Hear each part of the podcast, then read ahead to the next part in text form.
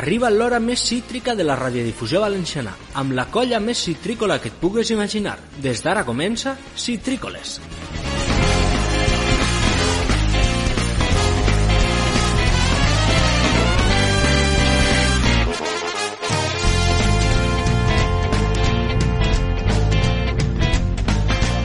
Hola, què tal, estimada audiència? Benvinguts i benvingudes a els millors moments de Citrícoles volum 1. Perquè sí, perquè ja vos vam dir que no ens anàvem a acomiadar d'una manera tan freda i que volem, volíem oferir-vos aquests moments que per a nosaltres han estat especials i esperem que per a vosaltres també. M'acompanyen, com sempre, Albert Miret. Què tal, Albert? Què tal? Bones, bon estiu, acalorats, però feliços de tornar, ni que siga en plan pròrroga, no? Ara que està tan de moda el futbol i ascensos i descensos i pròrrogues i penaltis. Això, la pròrroga... Futbol de... en juliol, eh? La lliga en sí, sí, juliol sí. encara, n'hi ha que veure. Sí, senyor. En fi. I també està Marcos Llorenç. Què tal, Marcos? Hola, audiència. Doncs molt bé. La veritat que així, amb el ventilador de fons, dir, sentiu un soroll de fons, ja sabeu el que és, però sí, sí, sí, estic per posar-te jo ara la de... Estic per posar-te la de Hawaii Bombay, eh, Marcos? Allò del ventilador. Home, no, no, no. Tant de bo, tant de bo.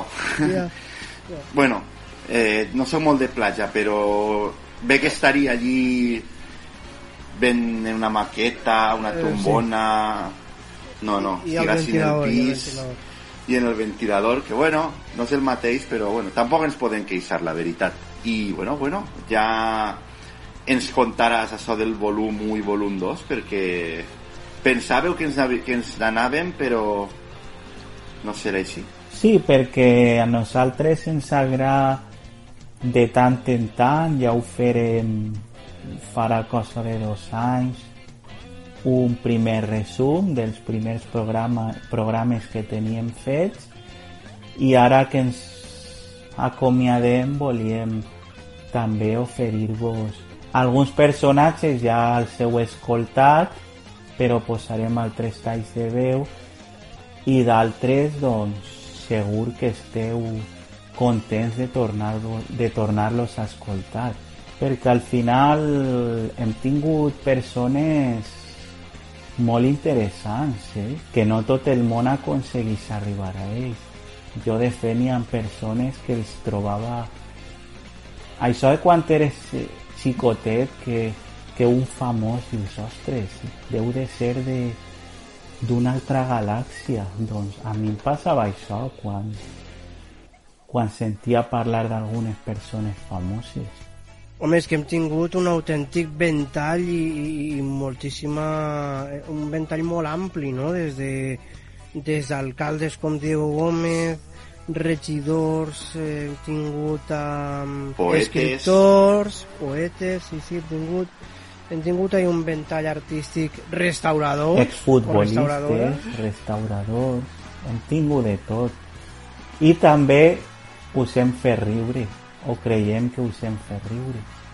O Ho almenys ho hem intentat. Ho hem intentat. Jo I per això sí, també-.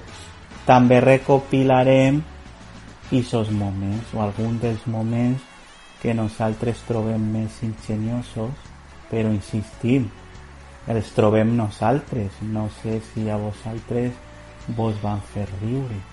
Però sempre tenim les xarxes socials, eh, per a que ens ho digueu, per a que ens ho feu saber. Eh, recordeu el arroba citricolesfm, Twitter i Facebook, o el correu electrònic citricolesfm arroba gmail.com. Després les tornem a recordar, com sempre, però que Sí, perquè que ho, ho teniu a l'abast. Oportunitats vos estem donant moltes, eh? Jo crec que si no les aprofiteu... Ui, que està, estàs renyint a l'audiència, Ferran? Estàs... Eh, has vingut en ganes de No, repartir Sí, l'audiència? sí, sí. Simplement els anime per a que Ah, val, val. ens diguen alguna coseta. A mi el que m'ha passat quan estàvem recordant el programa, el, les diferents entrevistes, els diferents col·laboradors, un poc, no? com allò que quan arreplegues una, una casa, no? que, que tot està ordenadet i pareix que no hi ha molta cosa, i després comences a agafar coses, a agafar coses, i dius, mare meva, sí que n'hi havia així coses que replegar, no? Doncs pues m'ha passat un poc això. Doncs imagineu què pensarà Julia Otero que fa poc va complir 3.000 programes.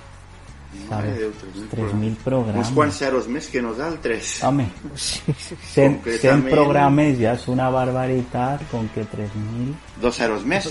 Bé, doncs, en este primer volum anem a escoltar xicotets talls d'entrevistes que, que ens han agradat i que considerem eh, val la pena tornar-les a recordar.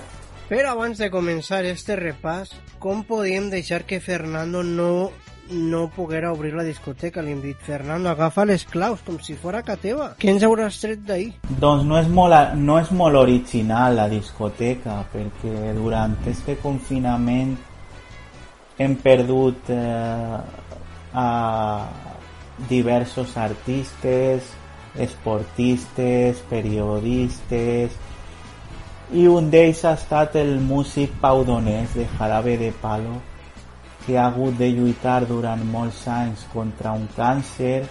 I jo propose la cançó Bonito perquè crec que és una un ànim un ànima és una defensa de la vida és, eh, està plena de desitjos de bons desitjos eh, no sé qué bonito que te va cuando te va bonito coses d'estes aleshores no sé si us sembla bé jo proposo este tema A mi em sembla bé. Sí, sí, a mi també. Doncs endavant, anem a escoltar a Jarabe de Palo y Bonito. bonito, todo me parece bonito. Bonita mañana, bonito lugar, bonita la cama, que bien se ve el mar. Bonito es el día que acaba de empezar, bonita la vida. Respira, respira, respira. Teléfono suena, mi pana se queja, la cosa va mal, la vida le pesa, que vivir así ya no le interesa, que seguir así no vale la pena. Se perdió el amor, se acabó la fiesta, ya no anda el motor que empuja la tierra. La vida es un chiste con triste final, futuro no existe, pero yo le digo bonito. Todo me parece bonito. Bonito.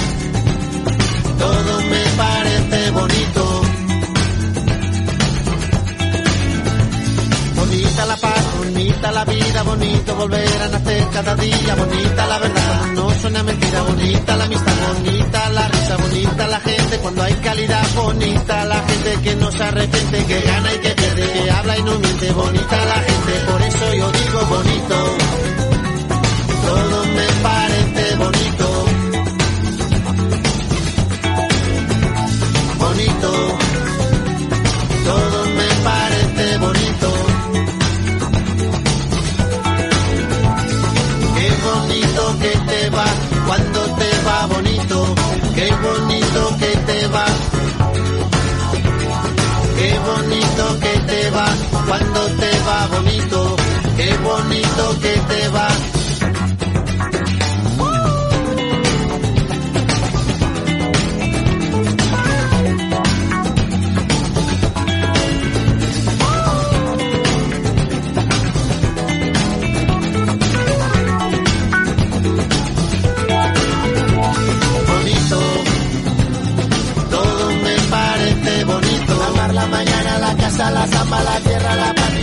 Que pasa bonito.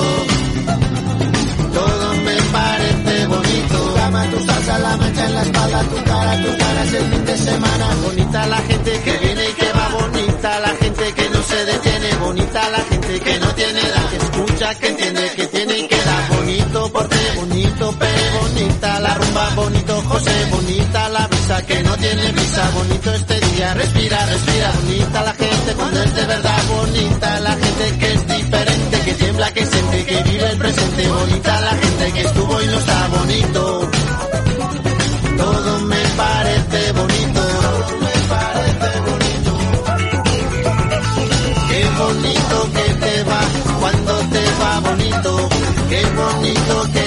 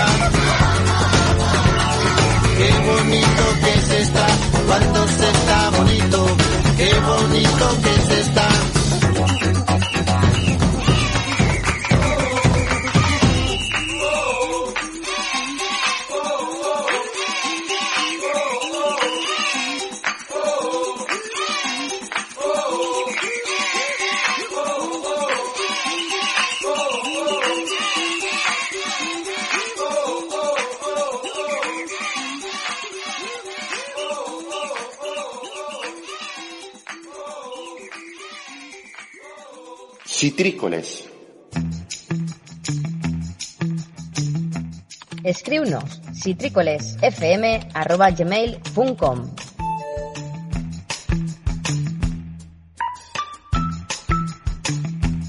Bé, xics, i això de citrícoles començar això, algun dia si escrivim un llibre o, o alguna cosa els començaments de, els inicis de citrícoles no van estar gens fàcils perquè nosaltres li pegàvem moltes voltes que si una emissora de ràdio per internet que si un programa per internet col·laborant amb alguna emissora de ràdio, en fi. Però finalment van néixer Citrícoles, que Citrícoles estava dins d'un programa que es dia L'Exprimidor i nosaltres teníem una secció. Tu te recordes d'això, Albert? Jo me'n Està recorde, sí, molts- una secció... Ja. eh, Sí, ens, ens, ens anem fent majors fa com 4, 5 anyets o ahí, me pareix que, que fa. I efectivament era una secció que fèiem en, en castellà, com vam recordar el programa de resum. I bé, jo crec que va ser com, com un experiment, no?, per veure què, què tal. Un, un, un rodatge que vam, que vam fer amb altres companys i l'experiment va eixir bé fins que al final doncs eh, l'1 de gener sempre ho recorde l'1 de gener de 2016 si no recorde malament eh, sí, eh, on estic ara és on ens posarem a gravar tu i jo el primer programa com a tal del Citrícoles tal i com el coneixem fins ara, no? més o menys però mm, d'aquell N'hi havia, n'hi havia dos companyes que parlaven de literatura i no recorde si també de tecnologia, de literatura segur, i nosaltres. I d'aquest primer programa tenim el primer convidat que us anem a presentar. El convidat és Jovi Esteve, periodista, s'ha de deixar clar perquè no és meteoròleg, és periodista que gestiona una pàgina que es diu Inforatge, que també el podem escoltar en Apunt, en Onda Cero La Ribera o en Alcira Ràdio, també intervé. I jo ahir vull que aprofitar per agrair als companys d'Onda Cero La Ribera que em facilitaren el seu contacte i afortunadament vam poder parlar amb ell. Sí, a més és una persona molt, molt amable, l'entrevista pues, eh, es va veure una persona molt propera, no? Perquè a vegades ho també té... El vas tindre a casa, Clar, és que a casa. La gent ha de saber que a vegades anem a fer entrevistes però realment no coneixem el personatge, no? Eh, mai saps a qui pots trobar. No, No, no sabem a qui podem tindre al davant, no? I... I, I clar, Hobby te diu jo avui no sé si podré perquè no sabem com estarà l'oratge, telefona amb tal dia, a veure si està... En fi, aquestes coses Clar. de producció, els secrets de la producció. Jo és la part que més he disfrutat del programa, eh, la veritat, la part de la producció. A la gent li pareix la més farragosa, i és de veres que és farragosa moltes voltes, per allò de quadrar horaris, agendes i demés, però personalment és la que millor Home, m'ho crec també. que en general ens ho han posat prou fàcil els invitats, no? Sí, Sempre alguns ha costat més que que sí. d'altres, però en general ens ho han posat fàcil. doncs d'aquella entrevista anem a destacar quan parlava de, de Canal 9, no? Quina opinió li mereixia després de que es produïra el tancament feia un any i escaig. I com la trobàvem en falta ara que ja no estava. Doncs anem a escoltar-ho, no? Anem a veure. Pues sí, Fernando, yo espero que vuelva a Canal No, porque cuando lo teníamos no lo valorábamos. Es como ese reloj que tienes y que nunca le das importancia, que de manera innata, cuando te levantas te lo pones en la muñeca, lo miras para saber la hora, lo, dejas en el cajón, te lo pones todos los días y un día de repente lo pierdes. Sí, yo, yo he de reconocer que cuando, cuanto más escuché Radio No, sobre todo, porque Canal No sí que la poníamos, las, poníamos las noticias y alguna serie, pero la radio cuanto más la escuché fue los últimos días. La tabla esportiva, por ejemplo, que nunca la escuchaba. Hombre, supongo que también entraba un poco el, el morbo, por así, por así decirlo, o el conocer qué pensaban los profesionales, ¿no? Sí, bueno, ya cuando se supo que tenía los días contados cada uno, los niveles de audiencia se dispararon, porque allí hicimos una retransmisión en directo de una crónica de una muerte anunciada. Como te decía, era como reloj que llevas y que pierdes un día y que de repente nunca lo has valorado y cuando no lo tienes es cuando piensas la falta que te hace, ¿no? Eh, yo creo que igual es, yo pienso que ha sido positivo el que la cerraran, porque al final todo, todo el mundo nos hemos dado cuenta de que bien dimensionada, eso sí, porque también todo el mundo entendemos que con aquella plantilla es imposible plantearse una nueva televisión valenciana, con unos nuevos contenidos, con una nueva política, con una nueva, manera de gestión del ente. Yo creo que eh, no es que haga falta, es que es imprescindible tener los valencianos una eh, televisión y una radio que nos hablen valenciano en nuestra lengua. Porque precisamente ese es el vínculo y la razón por la que se creó Radio Televisión Valenciana, para potenciar nuestra lengua y que esa lengua con la que todos hemos crecido pues nos la podamos tener en un medio de comunicación. Yo veo otras televisiones autonómicas que hablan en castellano y que no, no, tienen tanto fundamento como la pueda tener la nuestra y que ellas están funcionando y nosotros no. Por lo tanto, después de aquel episodio trágico también, como la pantalla del 82, que fue trágico en nuestras vidas, ¿no? el cierre de Canal No, pues bueno, espero que la cordura vuelva otra vez y, que podamos disfrutar de una radio televisión valenciana en valenciano como todos los valencianos, insisto, nos merecemos y que nunca deberíamos de haber perdido aquella herramienta tan potente de, sobre todo de vertebración en nuestra comunitat com era Canal 9. Doncs això, que ell durant, durant aquesta part de la entrevista parla de, del rellotge de pulsera que, que el tenim ahí com si res i quan te n'adones que no el tens és quan el trobes a faltar i és un poc a mi em crida molt l'atenció i sa comparació que va fer durant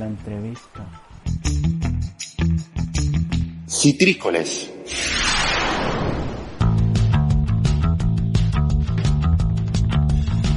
Del primer programa ens anem ara a l'últim que, bueno... Quin salt més gran, no? Sí, sí, sí, Això sí que és un salt de longitud, però vamos, triple, quàdruple i...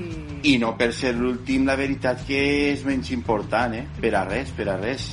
Però per què? Vam- Per què ens has fet pegar este salt?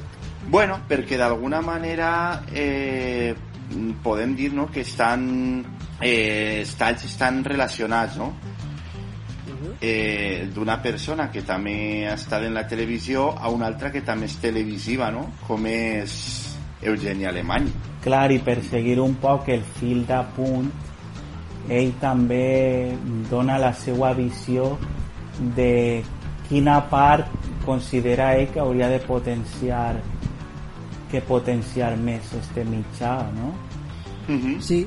Bueno, la veritat és que anem a posar el tall d'Eugeni, però també va ser una reflexió sense que ells ho hagueren parlat de forma prèvia, no? perquè van ser dos entrevistes independents.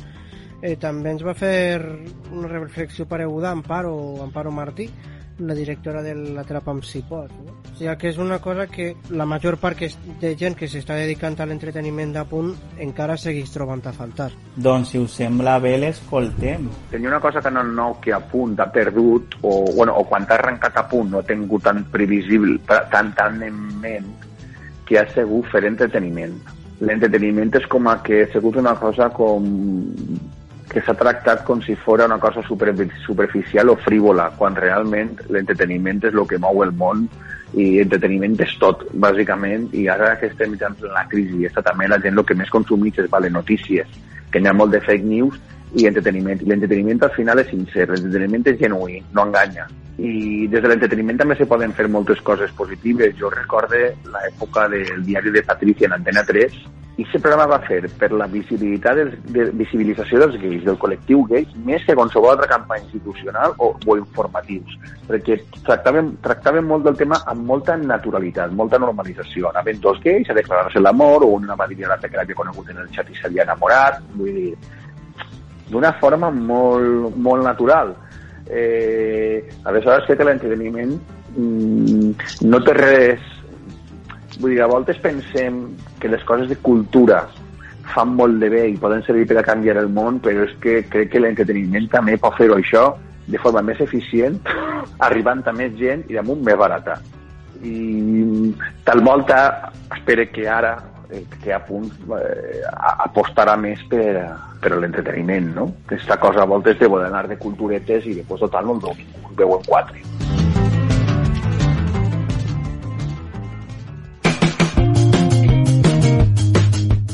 Pots trobar-nos al Facebook en arroba.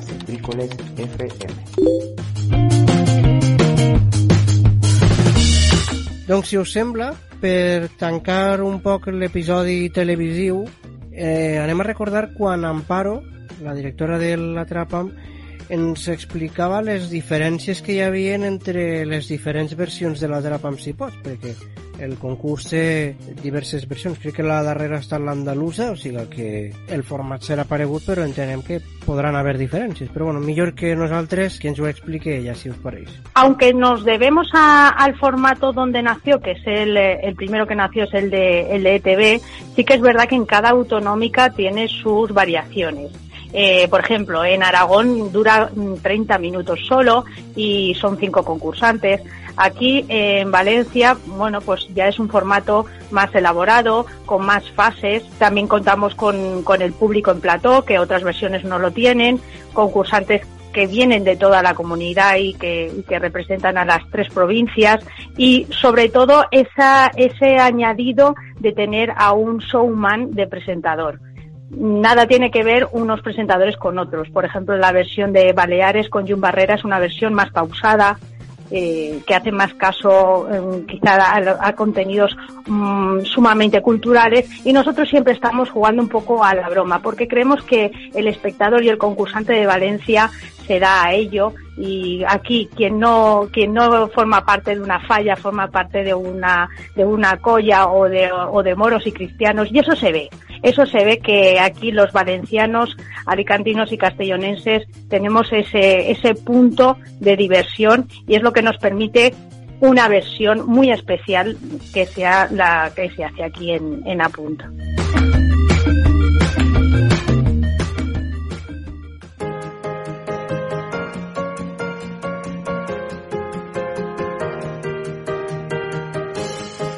Doncs vam tindre també una, no sé si dir-li secció, però si vam voler eh, donar-li ressò a gent emprenedora i en este apartat hem tingut molts convidats però Albert, amb qui ens hem quedat finalment? Doncs ens Qui ha hem... estat el guardonat? El guardonat ha estat Alberto, Alberto Costa de la tenda El Rebost, d'ací d'Onda, eh, una tenda alimentària artesanal, amb de productes artesanals, que ens va fer 5 cèntims, doncs un poc, eh, què és el que podríem trobar, quina sèrie de productes podríem trobar-hi, no? doncs escoltem-lo. Escoltem Alberto. Anem a recordar de coses sencillas. Pues el Rebost es una tienda de productos artesanos de proximidad. La mayoría de productos que tenemos aquí en la tienda pues son productos de aquí de la provincia de Castellón. Y siempre partiendo de la base de que sean artesanos, que no lleven ni conservantes, colorantes, aditivos, ni nada, siempre con recetas tradicionales. Y sobre todo, pues eso, apostamos por productos de la zona, de kilómetro cero y que estén dentro también de la demarcación de Castellón Ruta de Sabor. I també recordem així a Joan de la Petit Planetec, que en este cas no passa per la secció d'Emprenem, sinó per la de gastronomia citrícola. I és que tinc una pregunta. Tindran en esta tenda tés cítrics? I a més a més, per què hem triat este tall, Marcos? Bueno, hem triat aquest tall perquè eh, quan, es, quan vam estar parlant va parecer molt original no? la forma que tenien de, de repartir les seues comandes. No us avance més No. i, i escolteu el tall. Probablement hi ha ja més, més tendes que ho facin, però la veritat que ens va cridar prou l'atenció. Algun té o roibos amb cítrics que ens recomanes? Home, tenim el nostre, l'essència de València, que és una base de roibos, que porta trossos de taronja, porta la, la corpa de la taronja, porta un poc de llima, porta assaar també i un toc de vainilla perquè fa un poc més dolcet. L'envio, per exemple, que fem en València és ecològic, el fem en bicicleta al reparto. I per a trobar-nos és buscar la Petit Planet en internet i apareguem, o tenda de en València i ens troben en seguida en els buscadors, solem estar per ahí, és molt fàcil.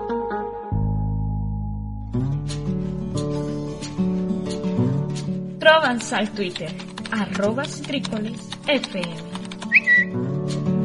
Anem a parlar de literatura, perquè jo no sé si, és, si està la secció estrella, però sí que hem tingut molts convidats i moltes convidades que tenen a veure amb, amb esta matèria.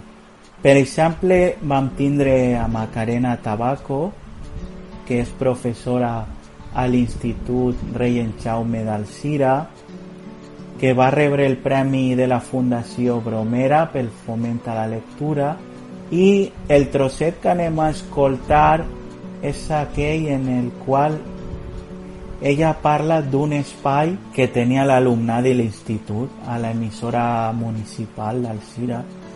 Un espai que es diu El Jaume Parla i anem a escoltar per què el recomana i anem a escoltar com eh, intenta eliminar aquest estereotip, de, dels adolescents als quals no els preocupa res que sols volen estar amb els mòbils o les tabletes en fi si us sembla bé anem a escoltar esta part Perfecte. Vols afegir alguna cosa més? No, jo crec que no. missatge? Un missatge sí, per favor, que l'any que ve continua el programa de ràdio que ens han d'escoltar. Per supost, Clar que que vull que sí. més gent ahí eh, que, que pense tots els dimecres en escoltar el programa d'en Jaume Parla i de saber un poquet És com molt recomanable, a mi me pareix que és molt recomanable. Mm, com veuen la realitat els, els adolescents perquè pense que moltes vegades eh, sempre se diu això de no, és que els joves d'avui dia són pitjors que els d'abans. No, no són pitjors que com érem nosaltres. Simplement viuen en una època diferent. I jo crec que és molt recomanable utilitzar per exemple les noves tecnologies i la ràdio per ensenyar i per a en les noves tecnologies les xarxes, xarxes socials per a que ells busquen informació. Eh, i crec que ells ho tenen molt més difícil potser que nosaltres. Jo era molt bona estudiant i pense que era molt bona estudiant perquè no tenia WhatsApp. És a dir, les xarxes socials tenen el seu punt positiu i el negatiu, però ells que estudien, que facin el deure, eh, malgrat les xarxes socials, té molt de mèrit. I això és un poquet també el que demostren ells en el programa de ràdio. Donen el seu punt de vista de la realitat, de les coses que estan passant en l'institut, de les activitats extraescolars que són fonamentals per aprendre. Jo penso de, de veres que a vegades s'aprèn més en una activitat extraescolar que entre les quatre parets de l'aula i per això pense que és important escoltar el programa de Jaume Parla, saber un poquet més dels seus fills.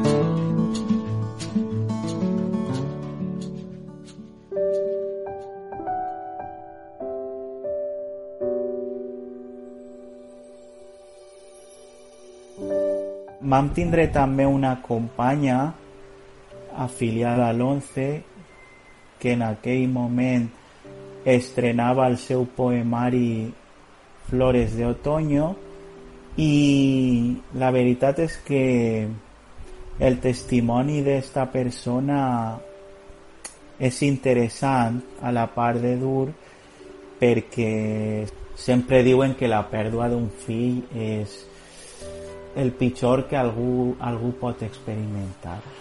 I és una forma Però de veure pèrdua...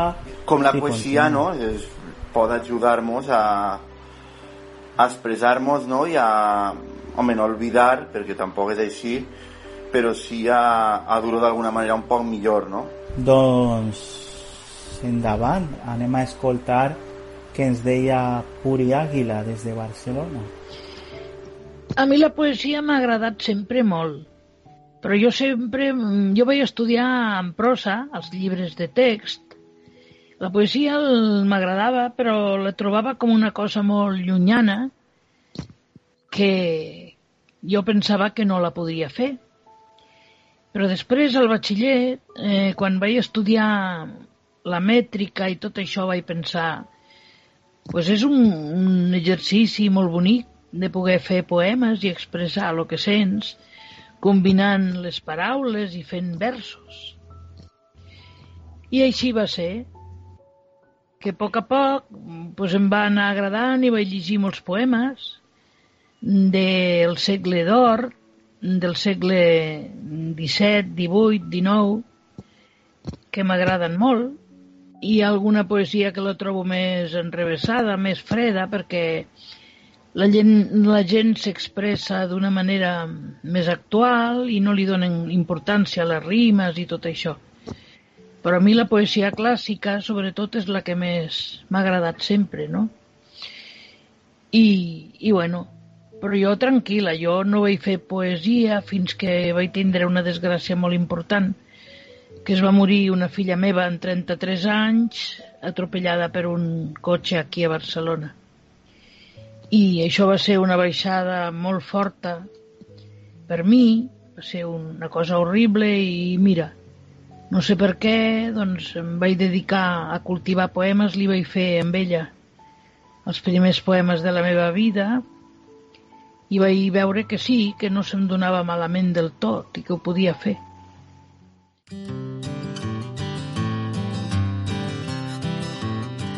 I m'estic adonant que en, esta secció, en este apartat tots són dones. I en este cas anem a escoltar a la guanyadora dels Premis Literaris Ciutat Alcira del 2018. Anem a escoltar a Alba Fluissà explicant-nos va sentir una alcirenya com ella a l'obtindre este guardó. Doncs endavant. Què suposa per a una alcirenya com tu haver guanyat este premi?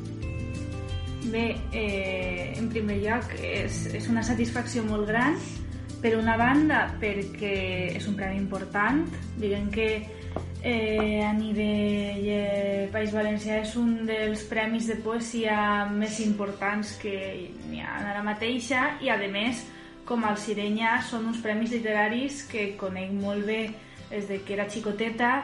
He anat moltes vegades a, a, al sopar dels premis, he conegut els guanyadors, he anat seguint la trajectòria i la veritat és que és això, és, eh, jo crec que és encara més emocionant que si fora algun altre premi.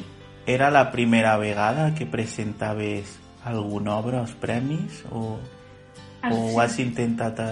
Al Ciutat del Cira sí, era la primera vegada però premis literaris me n'he presentat ja a molts, molts, a, amb Galeria d'Incerteses i, i també amb les obres anteriors que, que ja estan publicades.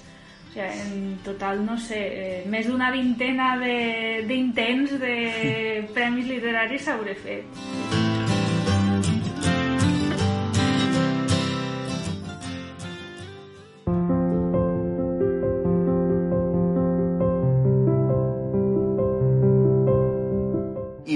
També doncs, eh, les escriptores que van passar per Citrícoles ens van fer doncs, una xicoteta mostra no? de, del que havien escrit i vam tindre també a la nostra amiga i col·laboradora Maria Santandreu que ens va presentar el seu últim llibre Mi vida en verso i com a mostra doncs, ens va recitar el seu poema Alas el qual anem a escoltar Alas.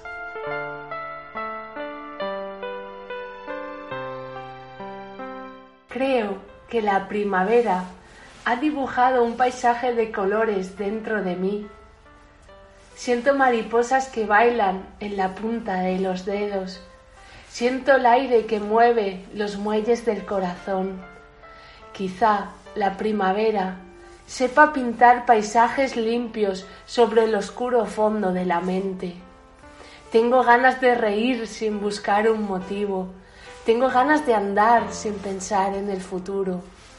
Cierro los ojos, escucho el viento y el grito de un pájaro. Sé que mis alas son frágiles y no se rompen. Sé que el tiempo es fugaz y no puedo ponerle freno. A pesar del miedo, piso fuerte y no miro atrás, porque hoy el mundo gira a mi favor, porque hoy la vida es perfume de rosa.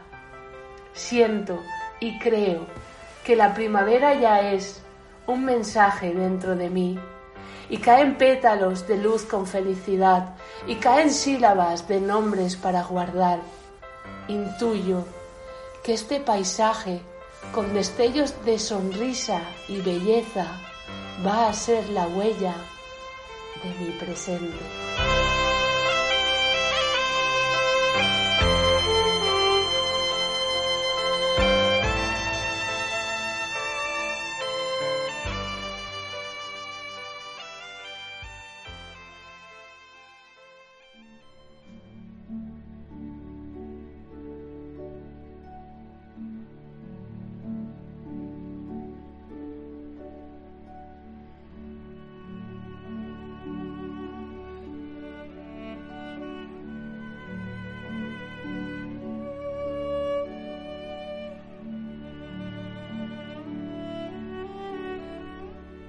I tal com havíem ressenyat adés, vam tindre a Miguel Herráez, el qual ens va parlar al voltant de la figura de Blasco Ibáñez. Per què, Fernando? Doncs perquè la seva, la seva dona era família de Jun i Miguel Herráez havia fet una sèrie de recopilacions de cartes que va escriure Blasco Ibáñez i parlarem d'això i també de literatura hispanoamericana perquè ell és especialista. I en fi, va ser una entrevista molt interessant però malauradament no, no ens va acompanyar el so. Anarem a un lloc on hi havia molt de soroll i el so no és, no és com ens haguera agradat. Per això no hem considerat oportú extraure cap, cap tall. Però bé, està bé que ho hagin esmentat, no? Sí, perquè la veritat és que és, és d'aixòs professors que et fa gaudir d'una assignatura sobretot quan, quan parlava de literatura hispanoamericana la veritat és que ho, ho vivia quan ens, ens contava els viatges que feia a l'Argentina en fi. Que peralski, sa pasión en els llibres es una delicia tindre profesores como.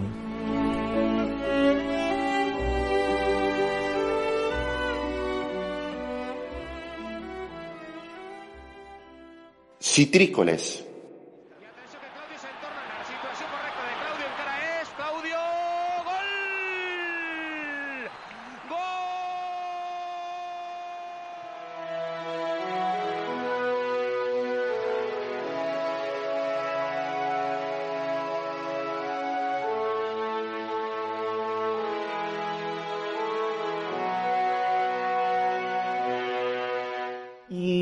Us sembla, anem a l'any passat. Anem a l'any passat i de l'any passat jo crec que el programa més destacable, o si no el més destacable, és un dels que anem a presumir sempre, és el que dedicarem al centenari del València. Doncs sí, perquè en aquella ocasió vam tindre a diversos convidats d'excepció. La família Montalva Parisi i a Fernando i Gómez Fernando Colomer. Gómez Colomer. Doncs vosaltres creieu, creieu que el futbol pot unir? Sí, veritat? Mm -hmm. Jo crec que sí. Pot unir fins al punt de crear eh, o de propiciar un casament?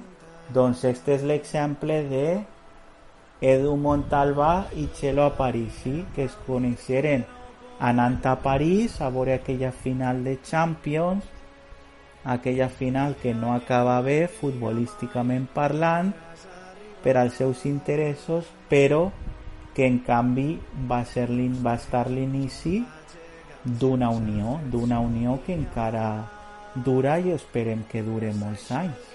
Jo era penyiste de la penya Ribera Alta d'Alcira des de, des de jovenet, molt fa molts anys i en un moment donat pues, Xelo s'apuntava en una amiga també i bé, sí, mos coneguérem allí, però tampoc teníem massa relació de veure de sopar i això.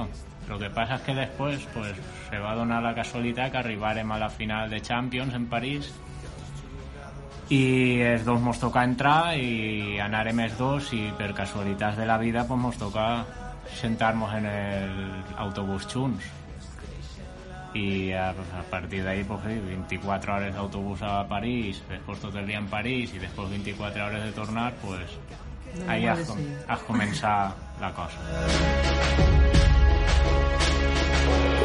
I seguint amb ells, recordem també quan els demanares recordar un moment bo i un moment roïn del club. Ahí es nota l'experiència, evidentment, perquè el xiquet en aquell moment tenia 3, 13 anys i els records que, que tenia eren molt recents, d'una època molt recent, i en canvi Edu i Txelo tenien més recorregut. I rememorar en èpoques no tan llunyanes, perquè serà de fa 15 o 20 anys, però, però en fi, èpoques glorioses també o èpoques no tan bones però que, que en fi, que tots recordem La mala contra el Sevilla, la Mm. semifinal de la Europa League.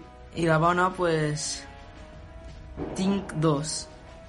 La, la del Basilea, que també és del mateix any, que guanyarem 5 a 0, que tenien que remuntar un 3-0, i la del Getafe ara. de partit frustrant, bueno, si pense en tots els partits frustrants, per a mi el, el major despago de la meva vida va ser la final de, de Milán. És algo que mm, des d'aquest moment el tema de veure un penalti pues me, me costa un muntó perquè va ser molt, molt de patiment i un patiment llarg i, i frustrant perquè teníem la Copa allí, la teníem a un passet i, i perquè érem la final, era la segona final seguida que, que perdíem i és molt difícil arribar a una final de Champions i bueno, pense que ens ho mereixíem però el futbol és així i després bones vibracions com a recient pues el dia del Getafe la veritat és que per a mi va ser algo fabulós i encara que hi hagi entrenadors que mos hagin criticat per haver celebrat eh, després del partit com si haguem guanyat eh, un títol pues jo eh, tinc que dir que aquest dia va ser un dia, un dia magnífic perquè, perquè ho veiem tot perdut i no ens esperàvem en ningú moment que en qüestió de dos minuts canviarà tot com va canviar ens donarà il·lusió i esperança per a poder aconseguir un títol De moments difícils pues, eh, vaig a repetir els dos candidats. La final de Milán perquè ens veiem ja campions de campions d'Europa i se mos escapa en l'últim moment i això va ser va ser molt, molt, molt fort. I després el dia del Sevilla, la semifinal de la UEFA, perquè a part del mal que ens va saber a tots, veure Eduard com, com va plorar ese dia de llast de pena, pues eh, te se queda gravat. Mm. I ese dia va ser molt, molt trist. I moments bons, n'hi ha molts. Tots els títols que han pogut viure en el València, la final de Sevilla, la final de Getafe, contra el Getafe, la final de Glasgow, tot això estàvem nosaltres allí, tot això ho hem viscut i això és el més gran que pots veure. Les dos lligues de Benítez, que això no ens pensàvem mai en la vida poder guanyar la lliga. I dins d'aixòs dos lligues de Benítez, el partit de Mestalla del València contra l'Espanyol, això va ser un... pues quasi com guanyar el títol, perquè a partir d'ahir ja mos veien campions de lliga. Un partit que te se fica un penalti en contra, te se fica 0-1 guanyant l'Espanyol, mos expulsen a Carboni, mos quedem en 10 i teníem que remar i teníem que remuntar el partit. I al final la segona part, dos gols de baraja vam poder remuntar el partit i ja va ser quasi com guanyar el títol perquè ja mos veien campions de lliga nunca falla. Es mi vida, como yo empecé a crecer. Amunt València, honor i glòria. Bé, i com hem dit abans, doncs vam tindre també a, a Fernando Gómez Colomer, que, bueno, eh, un dels jugadors més importants del València, Després ha entrenat també a molts equips en la comunitat valenciana, entre ells l'Alcira, el Castelló, i, i el tall que hem decidit recuperar és un tall que, bueno, el que li ven de diferent és que no és algo no? que a lo millor eh, podrien dir la majoria dels futbolistes, no? El fet d'animar a, als xicuelos i a les xicueles joves d'avui doncs sí, que juguen al futbol però que sobretot no deixen a banda els estudis, no? Clar, Fernando és un personatge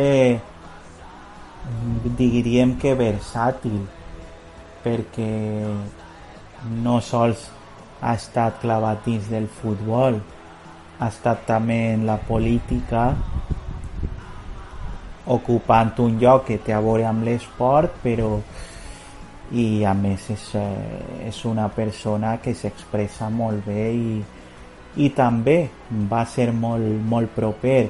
Insistim molt en això però és que xoca, xoca perquè creus que van a ser inaccessibles i en canvi doncs tot el contrari.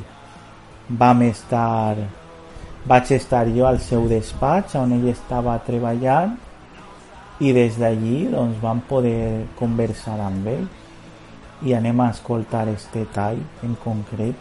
Supongo que cuando vas a conferencias o a charlas o a campus recalcarás mucho el hecho de que los niños se formen, ¿no? Que al final el fútbol es una etapa, pero después debe intentar buscarse más salidas, ¿no? Sí, yo muchas veces he ido a, bueno, a lugares donde ha habido niños, o ha habido padres y niños, y, y sí, sí, sí. Eh, una de las respuestas eh, que siempre doy cuando me preguntan, ¿qué le dirías a estos niños que quieren jugar al fútbol, que quieren llegar, que tienen el sueño de alguna vez poder llegar a la primera división? Y les digo, que estudien mucho, que se preocupen por los estudios, porque al final eh, el fútbol nunca se sabe si vas a llegar o no, y además, incluso llegando, a los treinta y pocos vas a dejar de ser futbolista y tienes que ser alguien para lo que, lo que te queda de resto de vida. Mi voz la que escuchas junto a mi afición. Tantos años de historia y jamás cambiará. Del Valencia seré hasta el final. Blanquinegre seré y donde quiera que estés con orgullo te acompañaré. Valencia mi escudo y leyenda. Valencia eres parte de mí. Es un sentimiento y hoy puedo decir, eterno seré junto a ti. Valencia te quiero,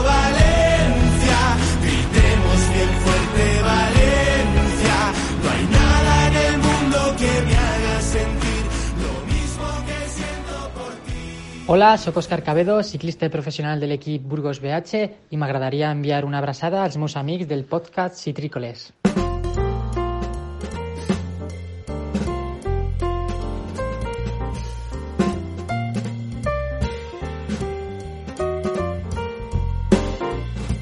Doncs bé, i ara entrem en la part que a nosaltres tres suposo que estareu d'acord més ens apassiona, no?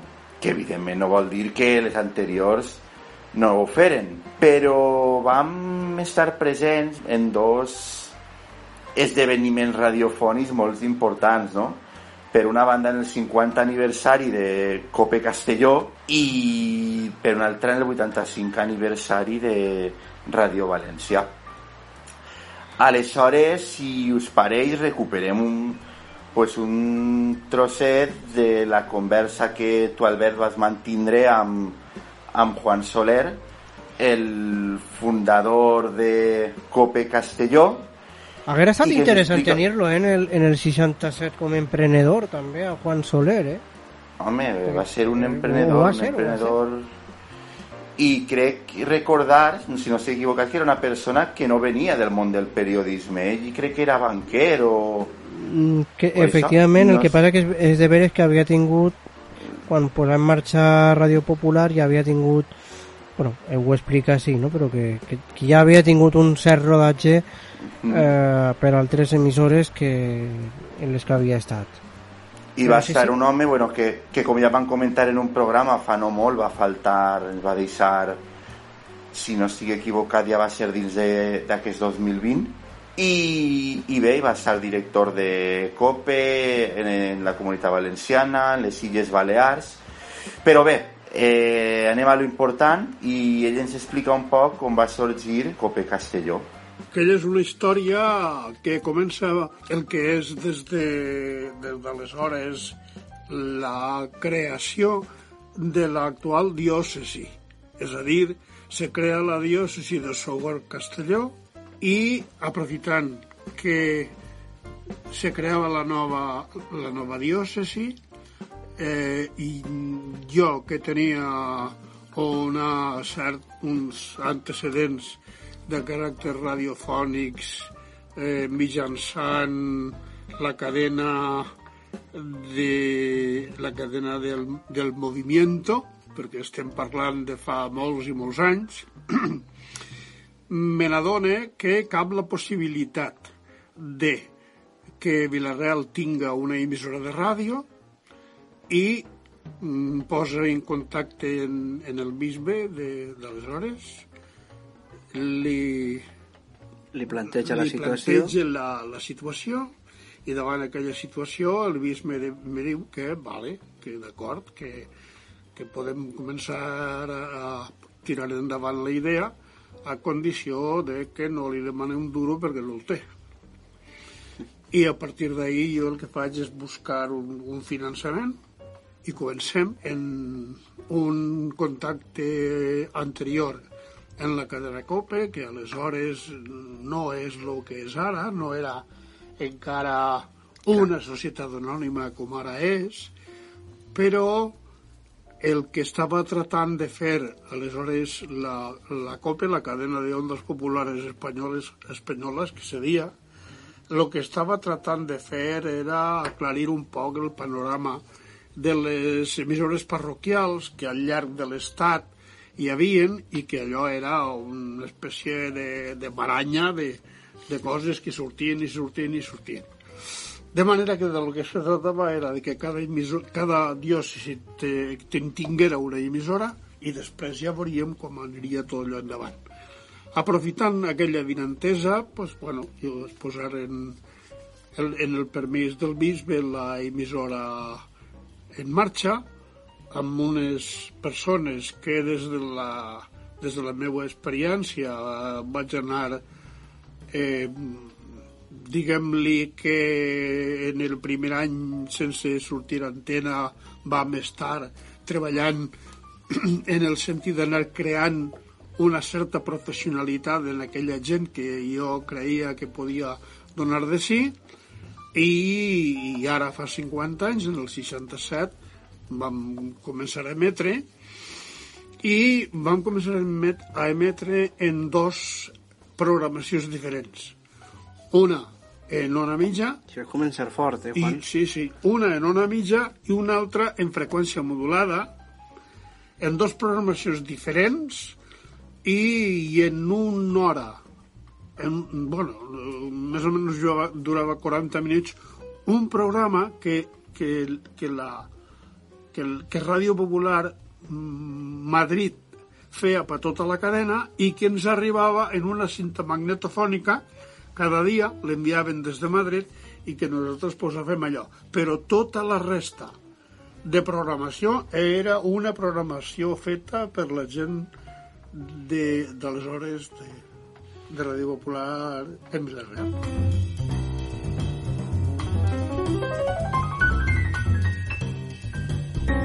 I Fernando va tindre eh, la sort de poder parlar amb l'actual director de Ràdio València. Eh, no sé, Fernando, mm, que, que se sent d'anar a, a un edifici tan... Així és, mai ho oblidaré.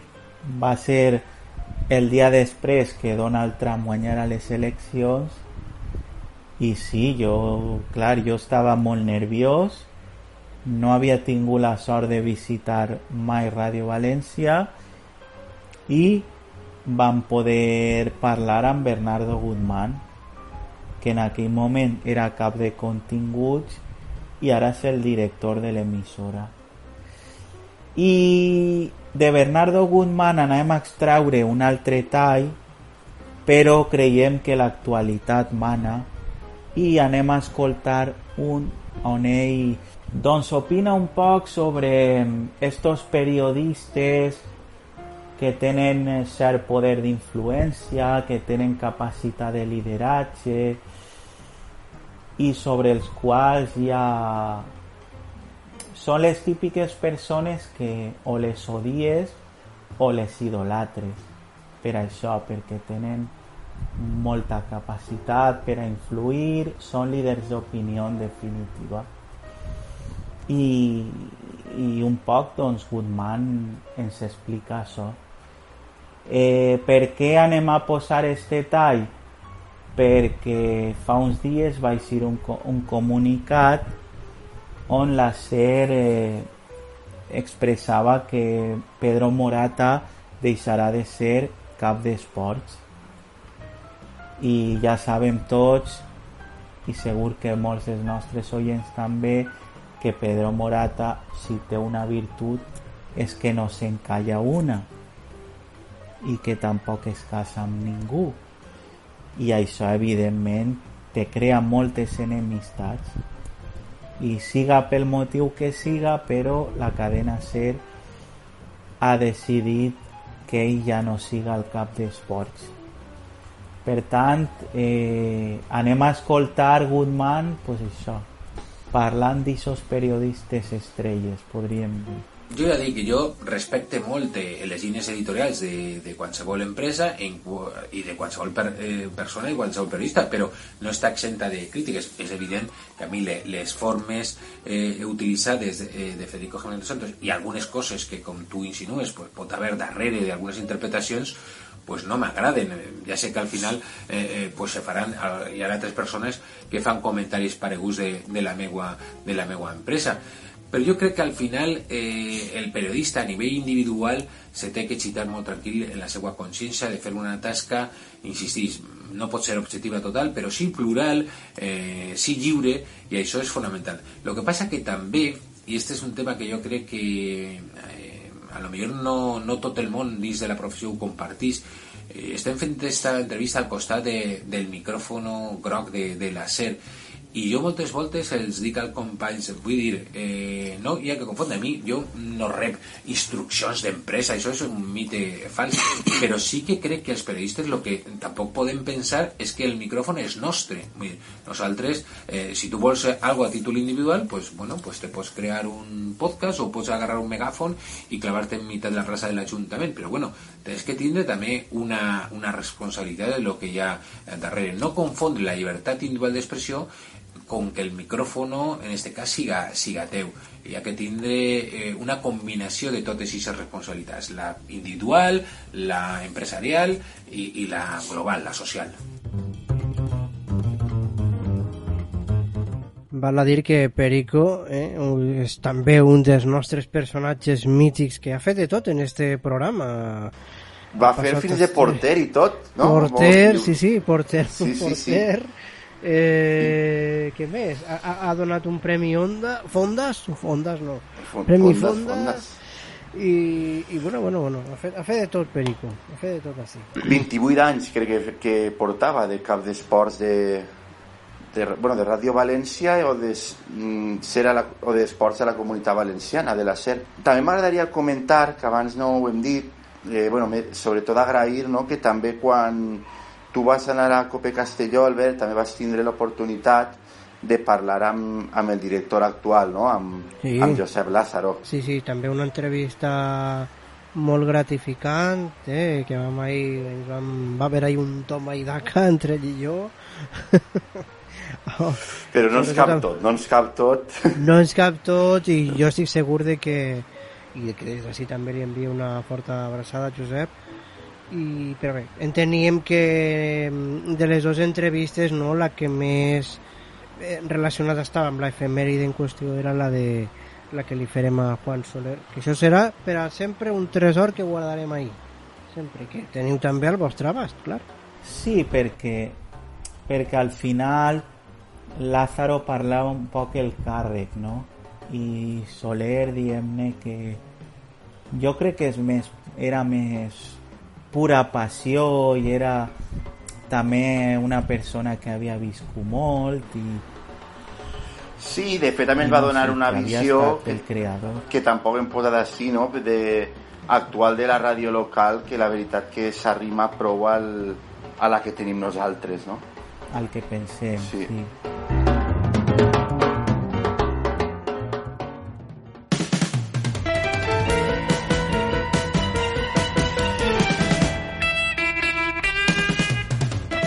Escolteu, quan fa que no trepitgeu un escenari? Bé, un escenari o un teatre, vaja, un pati de butaques. Doncs jo no sé, l'últim l'últim concert no sé quan va ser.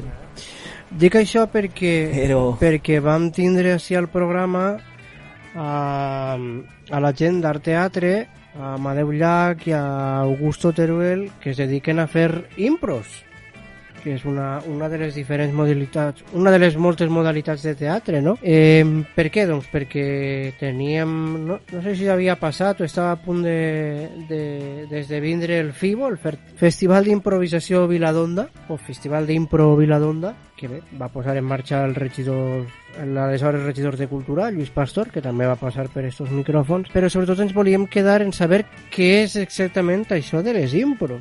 Doncs sí, sobretot perquè sempre n'hi ha ahí un debat, no? N'hi ha qui que la improvisació no existeix, perquè inclús la improvisació es prepara. N'hi ha qui que no, que una cosa és preparar-te un guió i l'altra és improvisar en el moment. En fi, ens va semblar molt interessant el que ens contaven. Bé, com, bueno, és, és prou intuïtiu el, el nom, no? És, és teatre improvisat, sense guió, sense cap eh, preparació prèvia i que normalment partís d'algun estímul que dona el públic, que normalment sol ser títols que, que, que fiquen a les, a les escenes improvisades que fan els actors i actrius en el moment. És teatre fresc i això, creat en el, en el moment per al públic. I n'hi ha alguna temàtica eh, sobre el, una llei d'improvisació, per exemple, si es proposa alguna temàtica o és, o és obert totalment?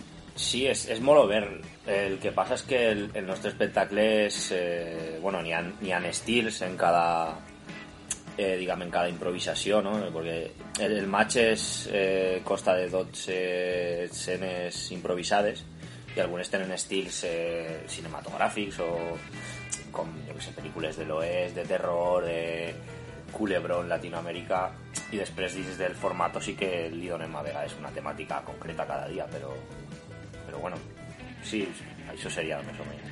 ¿Qué sería para vosaltres una gran obra de improvisación? Una historia bien improvisada. Pues una historia bien improvisada siempre es la que, la que bueno, en principio dirían coherente, ¿no? Eh, coherent en l'estil i després que tinga pues, una presentació de personatges, una presentació de lloc, que tinga un conflicte i que tinga un final. Teniu en compte que les improvisacions normalment solen durar 3 minuts. Què és una impro? Una impro és com una mini obra de teatre que te dure 3 minuts i que la tens que crear al moment. Entonces, en 3 minuts tu tens que dir qui eres, què te passe i com ho O soluciones. sigui, com, com en literatura un microrelat. Molt bé. Exactament, sí. És lo mateix, eh, introducció, nus i desenllaç, no? Clar. En un espai curt, po pocs personatges... Clar, la lliga d'improvisació que fem nosaltres així en Onda és com si fos una modalitat deportiva, que són quatre equips, eh, en cada equip va, van actuen cinc persones i el que se fa és cada, cada cap de setmana eh, participe un equip contra un altre equip. Entonces, eh, cada fin de semana participen 10 improvisadors.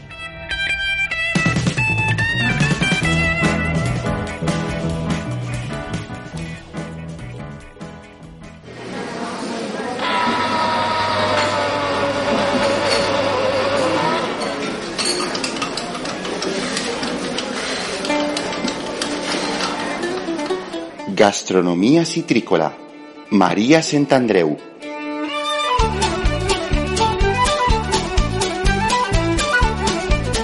Bé, i ara torna a aparèixer Maria, però en una altra de les seues facetes, no?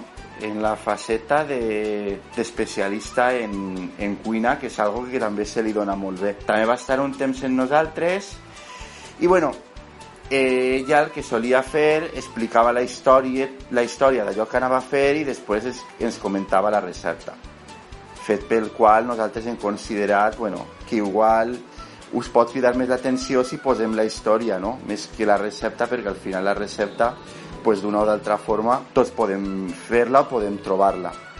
I en aquest tall ens explica la història de les rostes.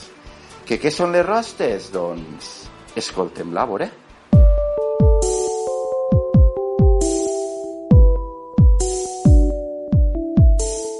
Si diem que anem a fer rostes, potser no sabràs què és, però si expliquem que són rebanades de pa del dia anterior, mullades amb llet, arrebossades amb ou, fregides i empolvorades amb sucre i canella, hauràs endevinat, endevinat que estem parlant de la famosa torrija, un postre típic de la Setmana Santa en Espanya. La rosta o torrija té una història mil·lenària. Els romans ja preparaven alguna cosa semblant i la recepta està recollida per Apicio als segles IV o V. En els seus orígens es relacionava amb la intenció de calmar el dolor de les dones després del part. Segurament es va inventar en un període de pocs recursos econòmics per a aprofitar el pa dur. Juan de l'Encina va popularitzar aquesta delícia tan nutritiva al voltant del segle XV. Des d'aleshores, la rosta ha evolucionat, però els ingredients bàsics són el pa del dia anterior, llet, ous, oli per a fregir, sucre i canella. A partir d'ahir hi ha tot un món de possibilitats i la veritat és que les combinacions són infinites. Hauríem de diferenciar tres qüestions. El tipus de pa, el líquid que utilitzem per a mullar les rebanades i els ingredients complementaris.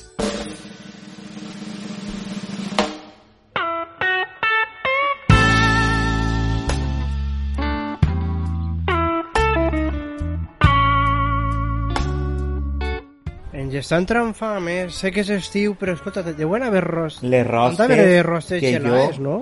jo vaig descobrir l'any passat que en Cantàbria les prenen en Nadal. Veges. De fet, jo vaig anar a principis de desembre i me'n van, me'n van oferir i, i em, va sor, em va sorprendre perquè així és un dolç més típic de Setmana Santa i allí les prenen en Nadal en... Jo reconec que m'agraden en qualsevol època, però sí. Golafre, que eres un golafre, home. Eres un, A més, eres ara se fan- Ah, no, això és Eres com un tot. llepón, sí, home. Doncs sobretot aquí... Perquè has de prendre la mona només en Pasqua o el roscó en Reis. Es pot, es pot prendre tot el o el I hi ha moltes que- varietats, no? Inclús ara si en la comunitat, en la comunitat valenciana es fan d'orxata, també. Que bon, sí. Jo em vaig mitjar l'any passat. Uh, que bon. Així n'estem nosaltres de fartonets, En fi. audiència. Així n'estem de fartonets. Així n'estem, així n'estem. Després d'haver menjat, on anem? Ai, Marcos, molt, molt, molt. Ma- Mestre, diuen que la literatura és un bon aliment i segurament eh, l'art també. Per aquest motiu anem a escoltar què ens explicava Mònica Ibáñez. Mònica Ibáñez és restauradora al MUMA, que és el Museu Municipal d'Alzira, i està fent, no sé si l'haurà acabat allà, una tesi doctoral sobre Teodor Andreu, que és segurament el pintor més important que ha la ciutat riberenca. I Teodor Andreu va ser deixeble de Sorolla. I hem considerat interessant recuperar la part on ella ens explica quina relació tenien estos dos grans pintors una relació epistolar.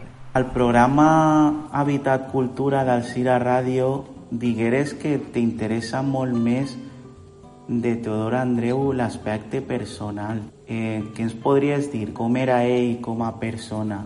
La veritat és que tampoc és que hagi pogut aprofundir molt perquè saps que ells en els temes personals no hi ha molt però eh, gràcies a un epistolari que vaig trobar en el Museu Sorolla en el qual Sorolla i, i Andreu se cartejaven i, i recorde que se, tu llitges eh, perquè la part, de, la part de Sorolla no la tenim, vull dir, només tenim les cartes que Andreu va escriure a Sorolla, però no la resposta de Sorolla, perquè mm. això no, no s'ha guardat.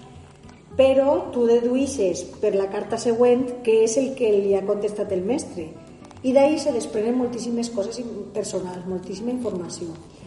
I es, es nota molt que era molt bona persona, que era molt constant, molt treballador, que quan se posava un objectiu fins que no l'aconseguia no parava i, i sobretot que era super, super familiar ho va, posar, ho va passar molt mal perquè va tindre quatre fills dels quals se moriren dos mm. i per, per culpa de la faena perquè li va eixir faena en Santiago de Compostela quan li se va morir un, una filla Mm, clar, imagina la distància des de Santiago de Compostela fins a València, en aquella època arribar seria una clar. locura. I que sàpies que se t'ha mort un fill i que no pogués estar en el mateix moment. És, deu de ser molt dur. I ell mm. ho va passar un parell de vegades.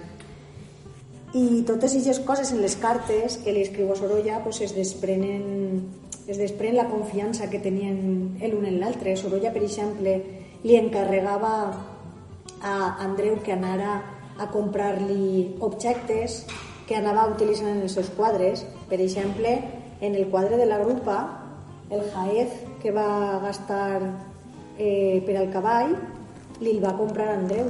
Andreu se'n va anar a Siete Aguas i allí va estar mm, triant varios jaez, jaez, no sé com se diu en València, però bueno, mm, per, per a engalanar el cavall eh, va, va estar triant varios que ell pensava que se podien acoplar al que Sorolla portava en el cap que volia representar en el quadre. I en una de les cartes és molt ben explicat i li diu, querido maestro, yo considero que el jaez color púrpura, que lleva espejuelos, que no sé qué, se adapta muy bien. Vull dir que s'entenien molt bé, que a banda de, a banda de deixeble i mestre, a més, també hi havia una consanguinitat indirecta. I és mm. que la tía abuela de, de la dona de Andreu estava casada amb el cunyat de Sorolla.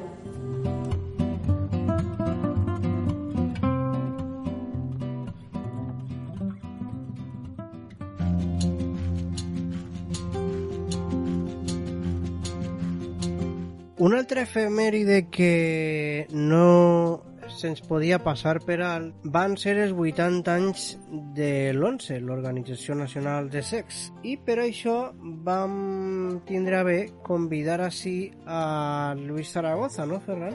Així és, Luis Zaragoza, que és periodista de Ràdio Nacional, que ha investigat sobre les ràdios clandestines i que també ha escrit llibres sobre, sobre l'11 i vam creure que era la persona indicada per explicar-nos com es va fundar aquesta organització. També parlarem de comunicació, que com us podeu imaginar vam gaudir molt, però anem a escoltar els orígens, els orígens de l'11. Què ens conta ell sobre això? Bueno, eh, los antecedentes más, digamos, directos de lo que fue eh, la, la 11 arrancan durante la Guerra Civil Española. Tú decías antes, la 11 nace eh, oficialmente el 13 de diciembre de 1938, festividad de Santa Lucía, para más señas, y por un decreto eh, firmado en, Burgos por Franco. Quiero decir que oficialmente la 11 es una institución que nace dentro de la Guerra Civil, durante la Guerra Civil, y como una de las, eh, digamos, las instituciones mmm, que va creando el nuevo Estado surgido a partir de, la, de, las fuerzas sublevadas y en torno a Franco. Eh, había habido hasta ese momento distintos eh, intentos de dar solución a lo que entonces se llamaba el problema de la ceguera, que habían pasado por distintas iniciativas privadas, unas eh, públicas, otras, en unos casos surgidas por parte de los videntes, en otros casos por parte de los ciegos, y había un, o sea, que había un caldo de cultivo creado, digámoslo así, tanto en ámbitos de asociaciones de ciegos como de, de distintos, eh, distintas personas videntes que estaban también interesadas por este problema. Entonces, eh, una serie de, de, ciegos que, digamos, dirigían distintas asociaciones, eh, con, con, cada una con sus características, que habían quedado en, en la zona sublevada una vez estallada la guerra civil, se intentan poner de acuerdo para llevarle al, al ministro de la, de la gobernación, eh, de aquella época, del gobierno de Burgos, un, un, eh, una propuesta para crear una institución que englobara todos los distintos aspectos que había tenido, digamos, esas soluciones anteriores al problema de la ceguera, ¿no? Entonces, esa va a ser una, una respuesta original, si luego queréis entramos eh, en esto, a, a, a, de la ONCE con respecto a todo lo que había habido hasta ahora. Entonces, bueno, pues como a Franco estaba preocupado por el tema de los ciegos que iban perdiendo la guerra en su mmm, en el bando sublevado durante durante la que iban perdiendo la vista eh, en el bando sublevado durante la guerra civil pues le interesó dar solución al problema digamos desde un punto de vista global le interesó esta propuesta que presentaron esos ese grupo de ciegos nucleados sobre todo en torno a dos eh, a dos grupos, el grupo andaluz y el grupo, digámoslo así, de Burgos, y eh, aceptó esa propuesta con algunas modificaciones y, y, de ahí surgió el decreto fundacional.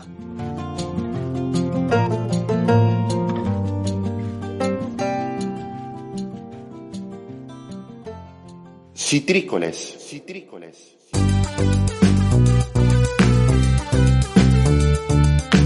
El nostre amic Fernando eh, va estar també en la gent de Pequeño Deseo. La nostra entrevistada doncs, ens contarà que es dedica a aquesta fundació, no, Fernando?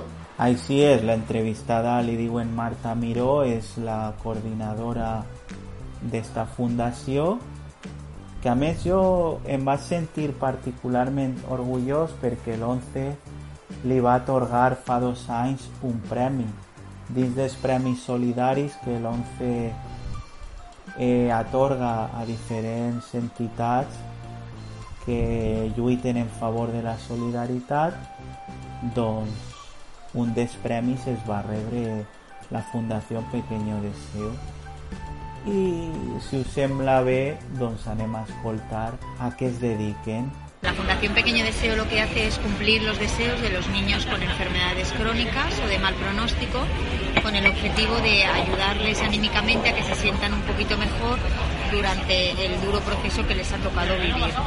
La fundación nace en el año 2000 en Madrid, pero bueno, en la comunidad valenciana como entidad y como, y como como delegación nace en el año 2005, eh, teniendo sede propia y, trabajando en todos los hospitales de referencia de la comunidad Albacete y Murcia. Actualmente contamos con, eh, más de 4.100 deseos a nivel nacional, de los cuales alrededor de unos 800 son de niños y niñas de la comunidad de Albacete y de Murcia. Una dona, Marta Miró, també molt passional, eh? donava gust escoltar-la, la passió en la qual parlava sobre, sobre les tasques que fan.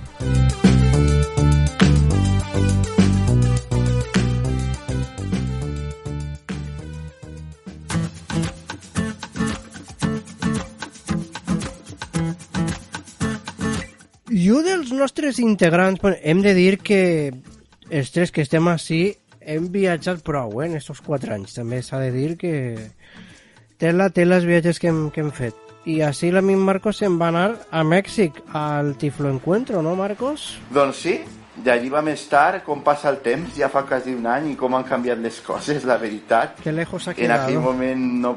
Sí, pues sí, la veritat és que sí, no? Que... I a més, després d'aquesta situació que estem vivint, no?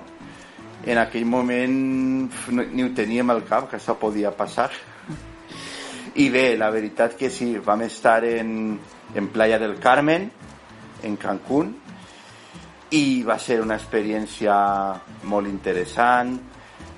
Vam conèixer pues, moltes persones amb discapacitat visual d'altres països, no?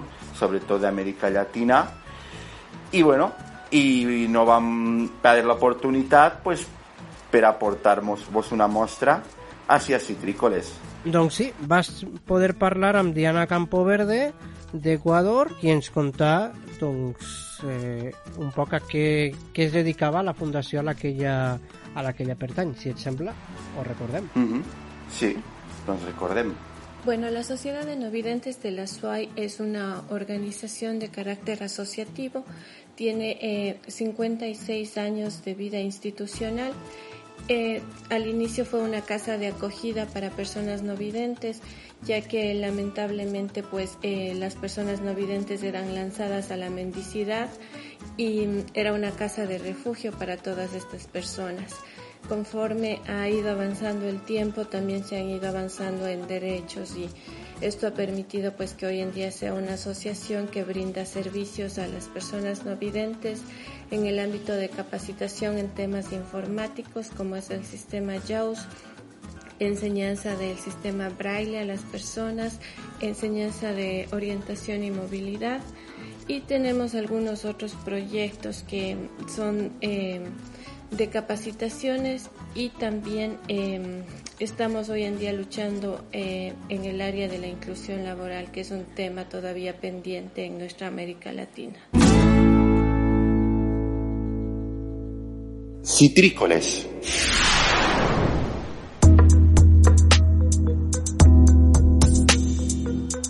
I vosaltres creieu que tots els sectors de la població tenen dret a sexe? O, Sí. o senten ganes de tindre sexe? Doncs per aquest motiu vam creure oportú parlar amb dos representants d'una fundació que es diu Sexualitat Funcional, que acompanya a persones que per les seues discapacitats doncs no poden tindre relacions sexuals com la resta perquè es falta una, una part del cos la tenen paralitzada o perquè no, no han sabut potenciar eh, les relacions socials i Albert, eh, eh, concretament de què, de què ens parlaren Charo i Dimitri Zorzos, que són els convidats que vam tindre. Doncs en aquella conversa, Charo Ricard eh, explica els diferents recursos que du a terme esta fundació i Dimitri ens va contar què és exactament això de l'acompanyament. El primer recurso es eh, intentar ofrecer, eh, ofrecer el recurso del asesoramiento, orientación o apoyo sexológico que lo que trata es de acercar la figura de un profesional de la sexualidad, en este caso sería yo, para que poder hablar de sexualidad no resulte tan difícil ni complicado ni deje de ser un tema tabú. Es ofrecer el recurso para que cualquier persona sepa que puede preguntar eh, acerca de temas sexoafectivos, si tiene alguna duda, algún problema, si quiere resolver alguna cuestión personal o de pareja. Y luego también para las familias que muchas veces se encuentran con sus hijos con diversidad funcional y que hay ciertos temas que ellos no saben cómo resolver, pues podrían consultarlos también a través del recurso y también para los profesionales que trabajan en, torno al mundo de la diversidad funcional que muchas veces pues en las residencias o en las casas de acogida o en diferentes entidades se encuentran con problemas también de sexualidad que no saben cómo resolver. Eh, El segundo recurso son unos talleres y actividades que nosotros los enfocamos de una manera diferente porque la educación sexual hasta ahora pues trata la sexualidad desde una manera de preventiva y nosotros lo que queremos es darle un enfoque positivo a la sexualidad, entonces nuestros talleres son como más vivenciales, más dinámicos, personales a cada circunstancia y tipo de persona con diversidad funcional para que la persona cuando salga de nuestro taller eh, piense que le ha servido para algo, ¿no? No solamente dar una charla e irse, sino que sean talleres que sirvan para algo. De normal son talleres evolutivos, de una vez al mes, según la, podemos hacer talleres para entidades eh, específicas de cada tipo de diversidad funcional, porque no son, no son las mismas circunstancias las de una persona con parálisis cerebral o con lesión medular o una persona con discapacidad intelectual o ciega o sorda. Entonces adaptamos un poco los talleres a las circunstancias de las personas y luego aparte nosotros hacemos unos talleres como sexualidad funcional que son talleres inclusivos para personas con y sin discapacidad o diversidad funcional, que son talleres muy bonitos porque mezclamos todo tipo de diversidades, tanto de las personas con diversidad funcional como las que no tienen diversidad funcional, pero que somos todos diferentes, igual que nuestra sexualidad es diferente. Y por último, solamente el, tercer recurso es el del acompañamiento íntimo o erótico o asistencia sexual, como se conoce en, Europa. ¿Y en qué consisten un poco estos acompañamientos? Es un, eh, es, un recurso para no para todo el mundo, es para las personas que no tienen acceso a su sexualidad ni, o a su propia o a otra persona. Mm. Y se trata de compartir un poco un tiempo de placer y erótico íntimo con una persona que quiera descubrir y desarrollar su propia sexualidad con un poco de libertad.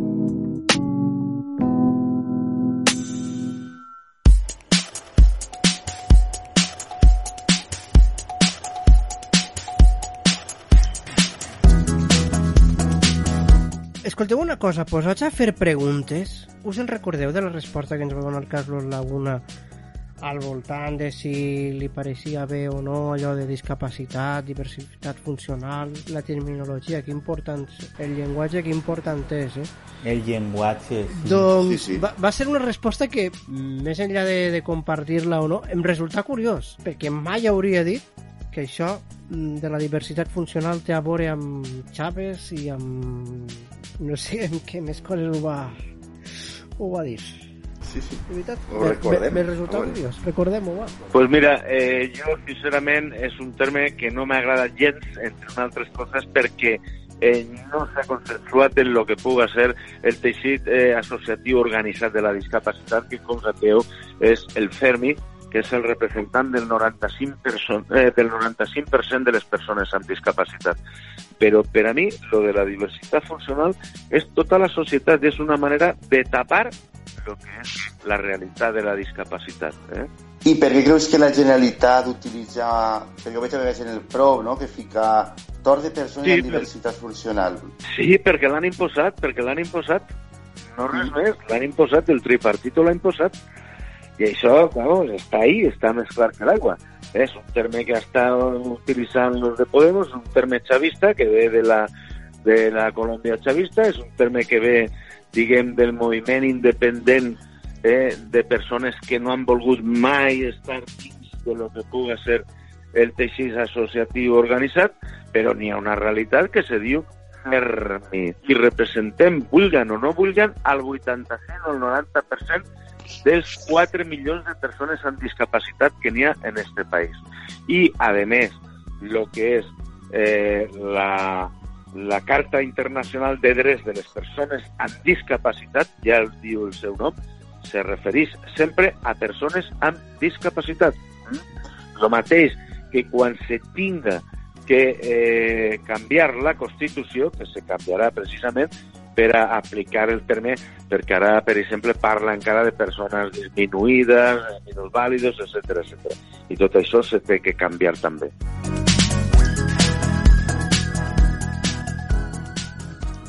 Citrícoles.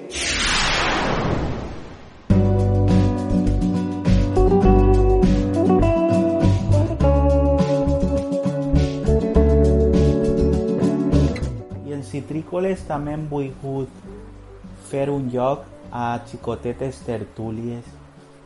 Ja vos posarem una en el primer resum amb dos companys colombians que van debatre sobre l'acord de pau que s'havia arribat a les FARC i en esta ocasió anem a escoltar reflexions sobre el paper de l'home en els moviments feministes sobre educació, tot perquè hem observat que durant estos últims anys almenys estan apareixent notícies alarmants que tenen com a protagonistes agressors, agressors que cometen violacions grupals, a banda de la violència de gènere que no, que no para, inclús va més.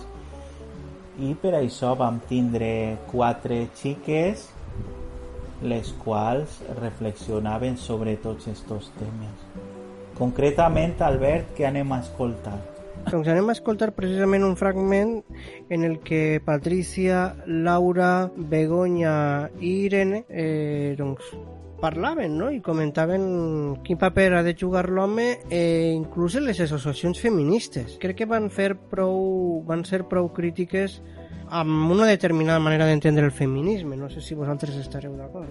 Sí, jo per experiència pròpia i no sé si Albert tu que has fet un curs sobre esta matèria jo per experiència pròpia puc dir que moltes vegades no sabia on situar-me.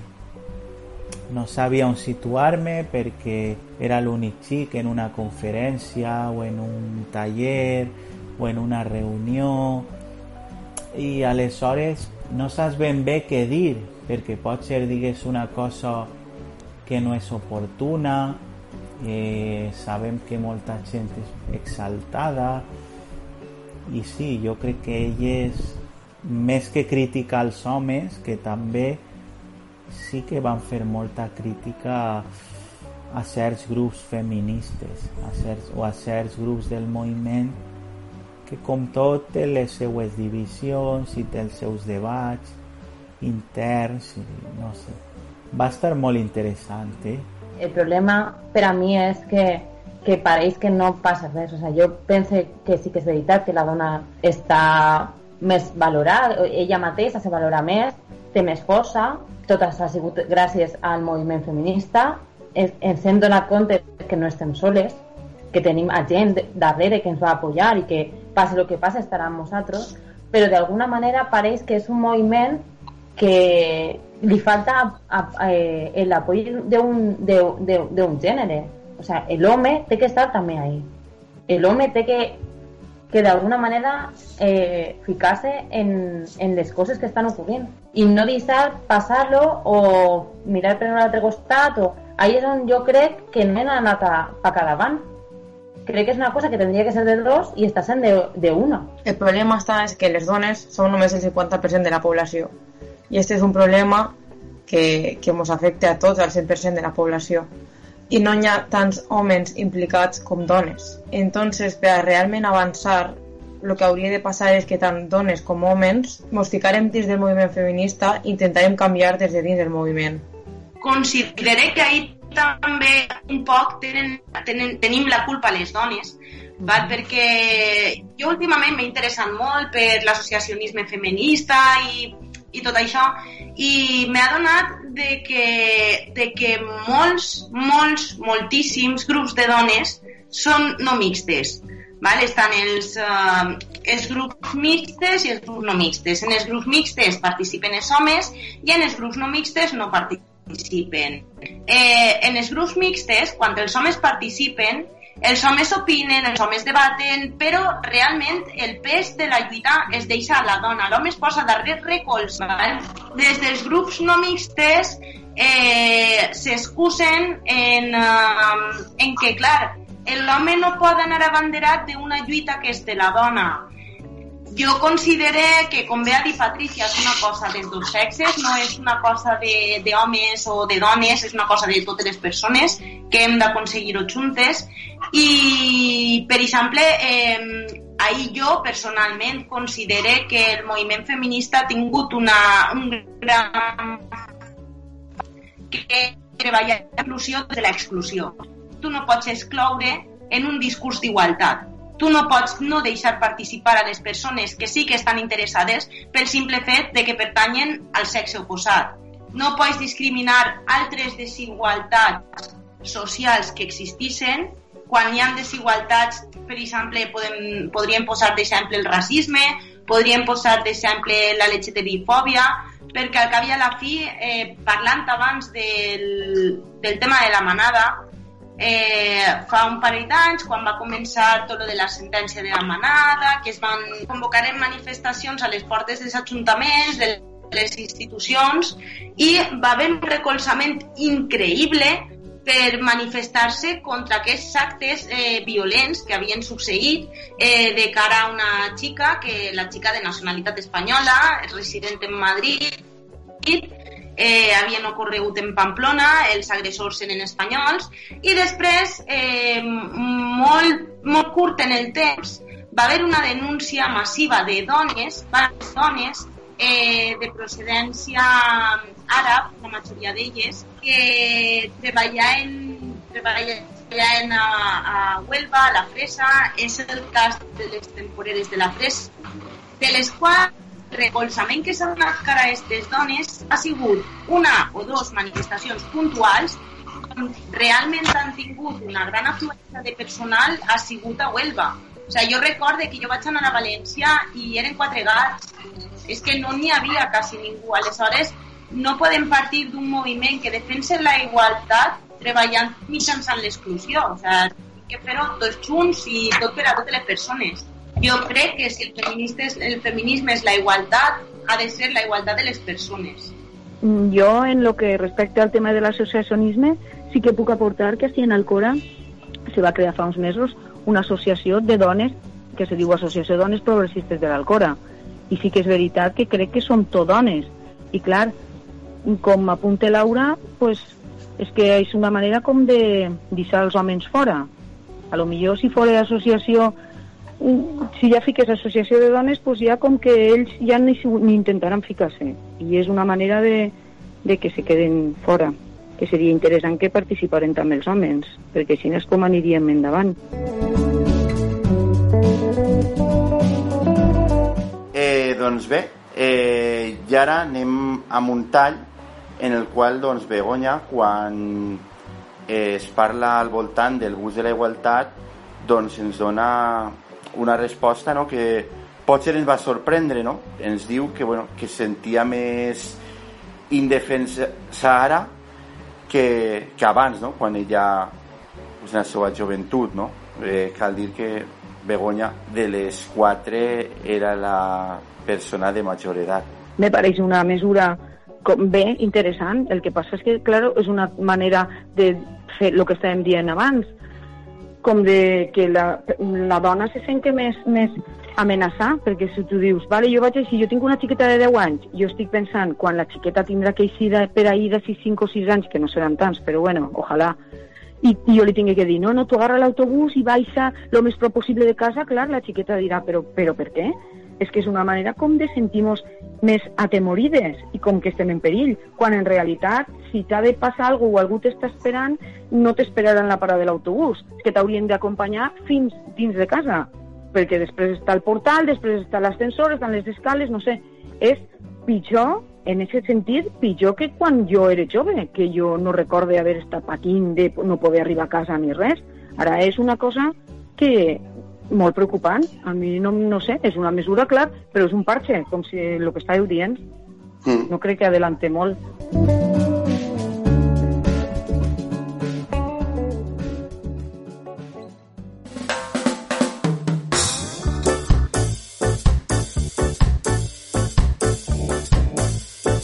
Doncs bé, amics, aquesta mm, ha estat la nostra proposta de repàs, navegant un poc al llarg d'estos quatre anys, òbviament, com hem dit adés, ens hem, ens hem hagut de deixar altres entrevistes no menys interessants, però que, com sempre us recordem, teniu al vostre abast eh, podent recuperar-les, menys el programa 1 i 2, que no els tenim però vaja, hem tingut així de tot, hem tingut inclús la mare de, de la fallera major, de la, de la fallera major infantil, si no recorde mal, no, Ferran?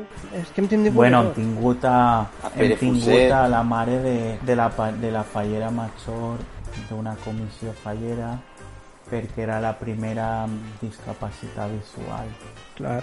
I la mare, curiosament, era una de les primeres presidentes de comissió hem tingut a Jaume Miret, qui ens va desvetllar un poc de d'on podria vindre-li la passió per, per les motos als, als germans Márquez, Diego Gómez fer un, fent un balanç no? de, de com havia anat el primer any de legislatura al Zira i segurament em deixaré algú més i no voldria deixar més. En qualsevol cas, gràcies, gràcies, gràcies a totes i tots els que heu passat per aquests micròfons a conversar una estoneta amb nosaltres i a contar-nos coses que de ben segur resultaran o hauran resultat molt interessants a, a la gent que ens ha anat seguint al llarg d'aquests anys. I bé, abans de repassar les vies de contacte, en l'anterior programa recordeu que vam fer referència a Rubén López, que ens va ajudar en la part, sobretot en la part eh, tècnica, però també va venir a posar-li veu, eh, va posar la seua veu així al programa, i concretament presentant-nos un dels èxits que més sonava en la seva emissora, Límite FM. Li vam dir, home, doncs vine per així i de pas doncs, ens promociones al, la teua ràdio. I així ho va fer, així que si us sembla li vaig a donar pas novament. Hola, Rubén. Hola, Albert. Hola, Fernando. ¿Qué tal? ¿Cómo estáis? Muchas gracias, que, como siempre, por invitarme a vuestro programa, a este gran programa que además me encanta y que desde luego es maravilloso y fantástico. Bueno, pues eh, soy Rubén, todo un placer, por cierto, locutor y director y responsable de Limit FM, una emisora que además eh, se puede escuchar a través de www.limitfm.com y que este mes quería hacer una gran aportación, una gran aportación presentando una de las novedades que tanto ha sonado en Limit FM, claro que sí, así que yo creo que lo que debemos hacer es pasar a la acción y lo vamos a hacer con él. Él es Antonio José. El tema se llama Me haces falta y es de su último trabajo, forma parte de su último disco. Un disco que todavía no está a la venta, pero que nos ha llegado este single y quería precisamente presentártelo aquí, en este Citrícoles de hoy. Un saludo enorme para todos los oyentes y un saludo enorme también para vosotros chicos. Gracias por permitirme el que pueda estar aquí con vosotros un ratito y poniendo la mejor música. Y escuchamos este pelotazo. Venga, lo pongo desde el principio para que suene así de bien. Voy a venderla porque Me haces falta.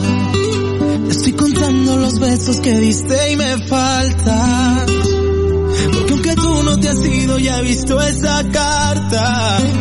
Me haces falta. Lo he intentado.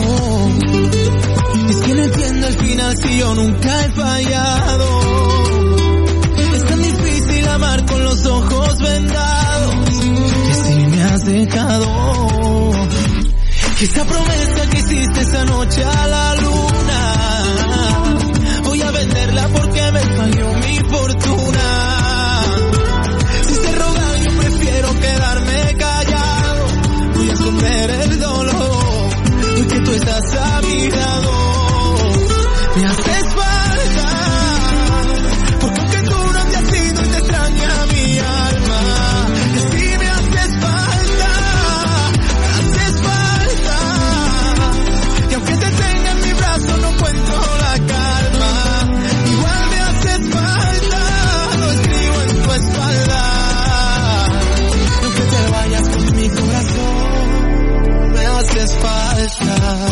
decirte que te quiero?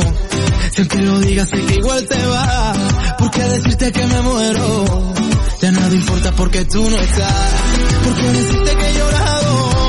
¿Por qué decirte que lloré por ti? Si la verdad es que no me importa nada y no estás aquí. Y esa promesa que hiciste esa noche a la luna. Voy a venderla porque me falló mi fortuna.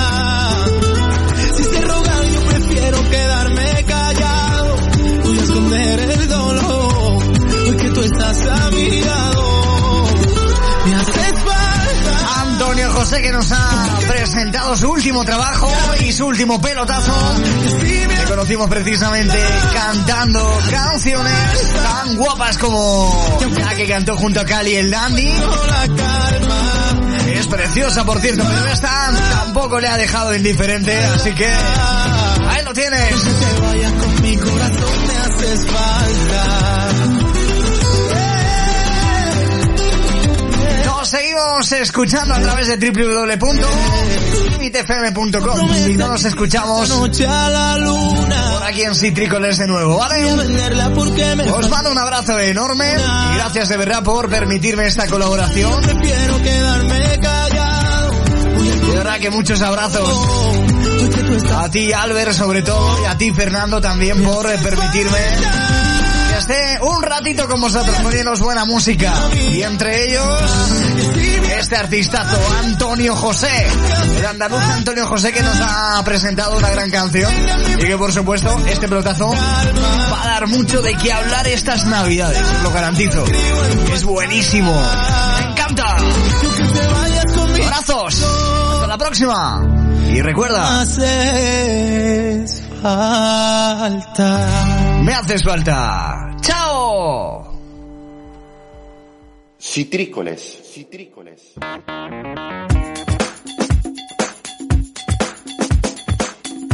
I ara sí que sí, mon anem, perquè això ja està quedant llarguet, però abans, com sempre, anem a recordar-vos les vies de contacte, perquè encara estan obertes i podeu escriure'ns i comentar-nos allò que vos parega. Doncs si el que us agrada és donar-li a like i fer comentaris més o menys curtets, pues ahí teniu la nostra pàgina de Facebook. Pots trobar-nos al Facebook en arroba citrícolesfm. Que sou més modernets, que us agrada més el rotllo de 50, de, de 50, de 140 caràcters i més i més i més, per això està al Twitter. Troba'ns al Twitter, arroba citrícoles FM. O també podeu esplayar-vos i en aquest cas és convenient que ens escriviu un correu electrònic Escriu-nos citricolesfm.gmail.com Este i tots els eh, altres programes els teniu disponibles a citricoles.ivox.com i a iTunes.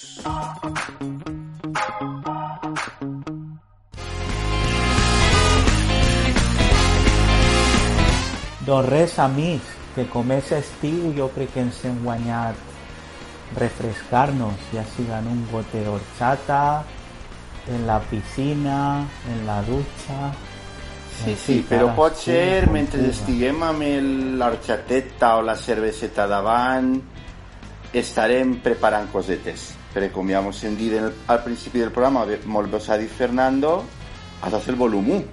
Però és que ve el volum 2. Clar que sí, Clar, clar. Per això. però com bé, com bé se sol dir en esos casos, continuarà. De manera que vos esperem molt pronte, així a... Citrícoles.